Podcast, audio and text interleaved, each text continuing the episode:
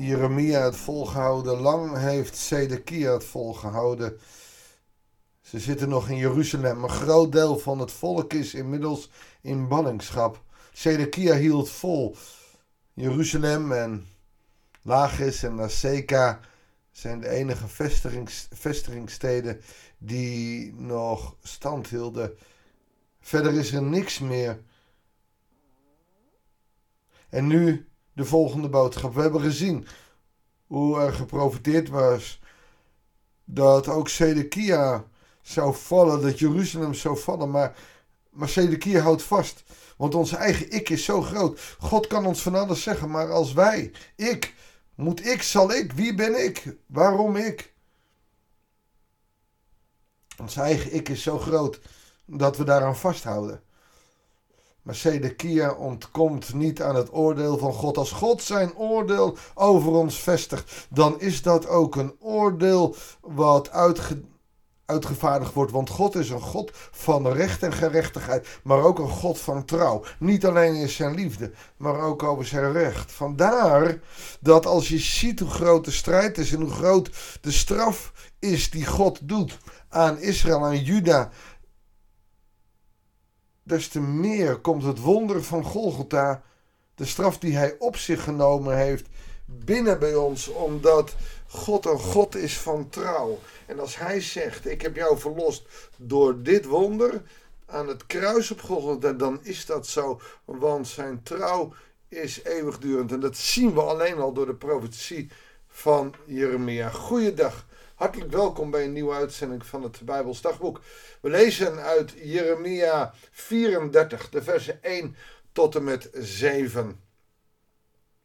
De Heer richtte zich de met de volgende woorden tot Jeremia.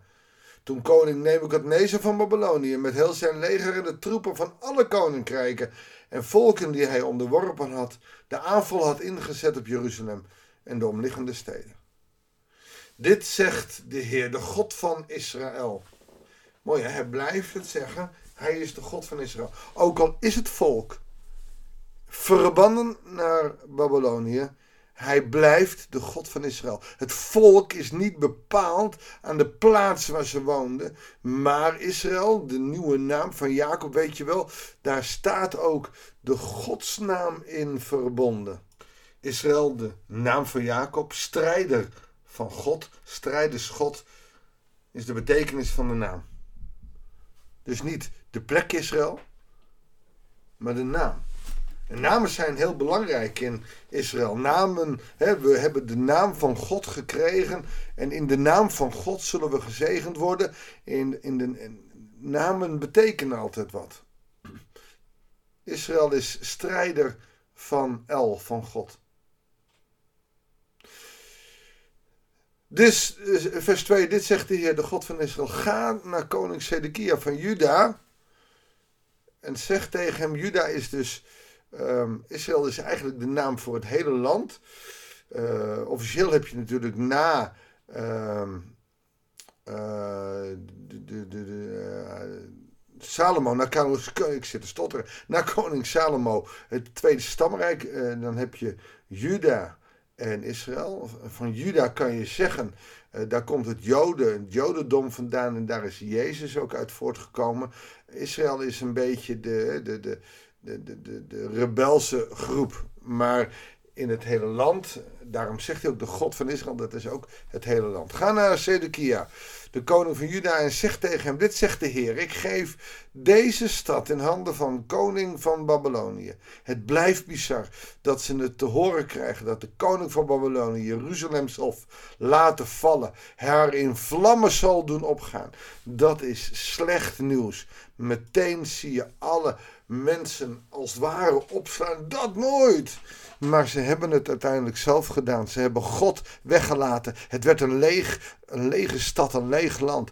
En God zegt, ja, maar dan, dan zal ik die leegheid, die tohu bohu, die chaos, zal ik dus ook vernietigen. En we weten, en dat is eigenlijk iets moois uit de natuur, als je een bos hebt wat je verbrandt, door de as zal er nieuwe uh, bomen kunnen ontstaan en de, de grond zal rijker zijn. Er zijn landen in Afrika waar ze hele gewassen aan het eind verbranden zodat de grond daar weer nieuwe energie krijgt. Dat kan je hier het ware ook zeggen. Ook jij, Sedekia, zult niet aan hem ontkomen, maar gevangen genomen worden en aan hem worden uitgeleverd. Je zult oog in oog met hem komen te staan en persoonlijk met hem spreken. Daarna word je naar Babel gevoerd. Maar, koning Sedekia van Juda, luister naar de woorden van de Heer. Genade komt eraan, hè? Maar, dit zegt de Heer tegen jou: je zult geen gewelddadige dood sterven, maar in vrede heen gaan. Weliswaar in ballingschap, maar je zult in vrede heen gaan. Zoals voor je voorouders, de koningen die voor jou hebben geregeerd, rouwvuren werden ontstoken, zo zullen die ook voor jou worden ontstoken. Er zal vrede zijn, een soort van status quo waarin jij komt ontvangen. Je wordt niet door een speer, een zwaard of wat dan ook. Je zult gewoon, waarschijnlijk door ouderdom, eh, maar in ieder geval in vrede heen gaan. En je onderdanen zullen met, ach Heer, een klaaglied over je aanheffen. Dit is mijn belofte, spreekt de Heer. Dat is een belofte die je gaat als, als je, als je hem, als je luistert naar de Heer, dan zal die straf zal niet makkelijk zijn, maar er zal genade in vastzitten. En eigenlijk is dit al een beeld van wat Jezus zal doen. Die straf zal ondraaglijk zijn. Als je Jezus aan het kruis ziet hangen, dat is ondraaglijk. Maar je zult gered worden. De profeet Jeremia bracht deze woorden in Jeruzalem over aan koning Zedekia van Juda. Toen het leger van koning van Babylonië de aanval had ingezet op Jeruzalem en op Lagis en Azeka, de enige vestingsteden van Juda die nog stand hielden. Het einde van Jeruzalem. En dat doet zeer bij een Jood. Hoe vaak is die tempel al vernietigd? Het doet zeer bij een Jood. Want dit is het beloofde land en opeens wordt het afgepakt. En God laat het afpakken. God laat het door de koning van Babylonië afpakken. Hij heeft wel gezegd, je zult het terugkrijgen. Maar eerst niet. Ga eerst daar maar wonen. Ga eerst daar maar... Zo bizar. Maar eerst moet het helemaal kapot. Voordat je überhaupt weer iets kan opbouwen. Laat het zover niet komen met jouw leven dat het eerst helemaal kapot moet. Maar zorg dat jouw leven in het teken staat van de opgestaande Heer. Dat de straf, de recht en gerechtigheid die Hij op zich genomen heeft, dat jij je die toe-eigent. En dat jij vanuit die bevrijding wil leven. En dat jij vanuit die bevrijding het kwaad weerstaat en het goede probeert te doen. Dan is zijn offer niet voor niks geweest. Laten we daarvoor bidden. Heere God, in deze nieuwe week komen we tot u. En danken we u dat we ook nu uit uw woord mogen lezen. Heere God, en soms begrijpen we er niks van. Als u het beloofde land Israël in Juda, Jeruzalem laat vallen en in brand laat steken door een koning die u gebruikt, Heere God, om recht en gerechtigheid te doen, dan staan die verhalen soms ver van ons af.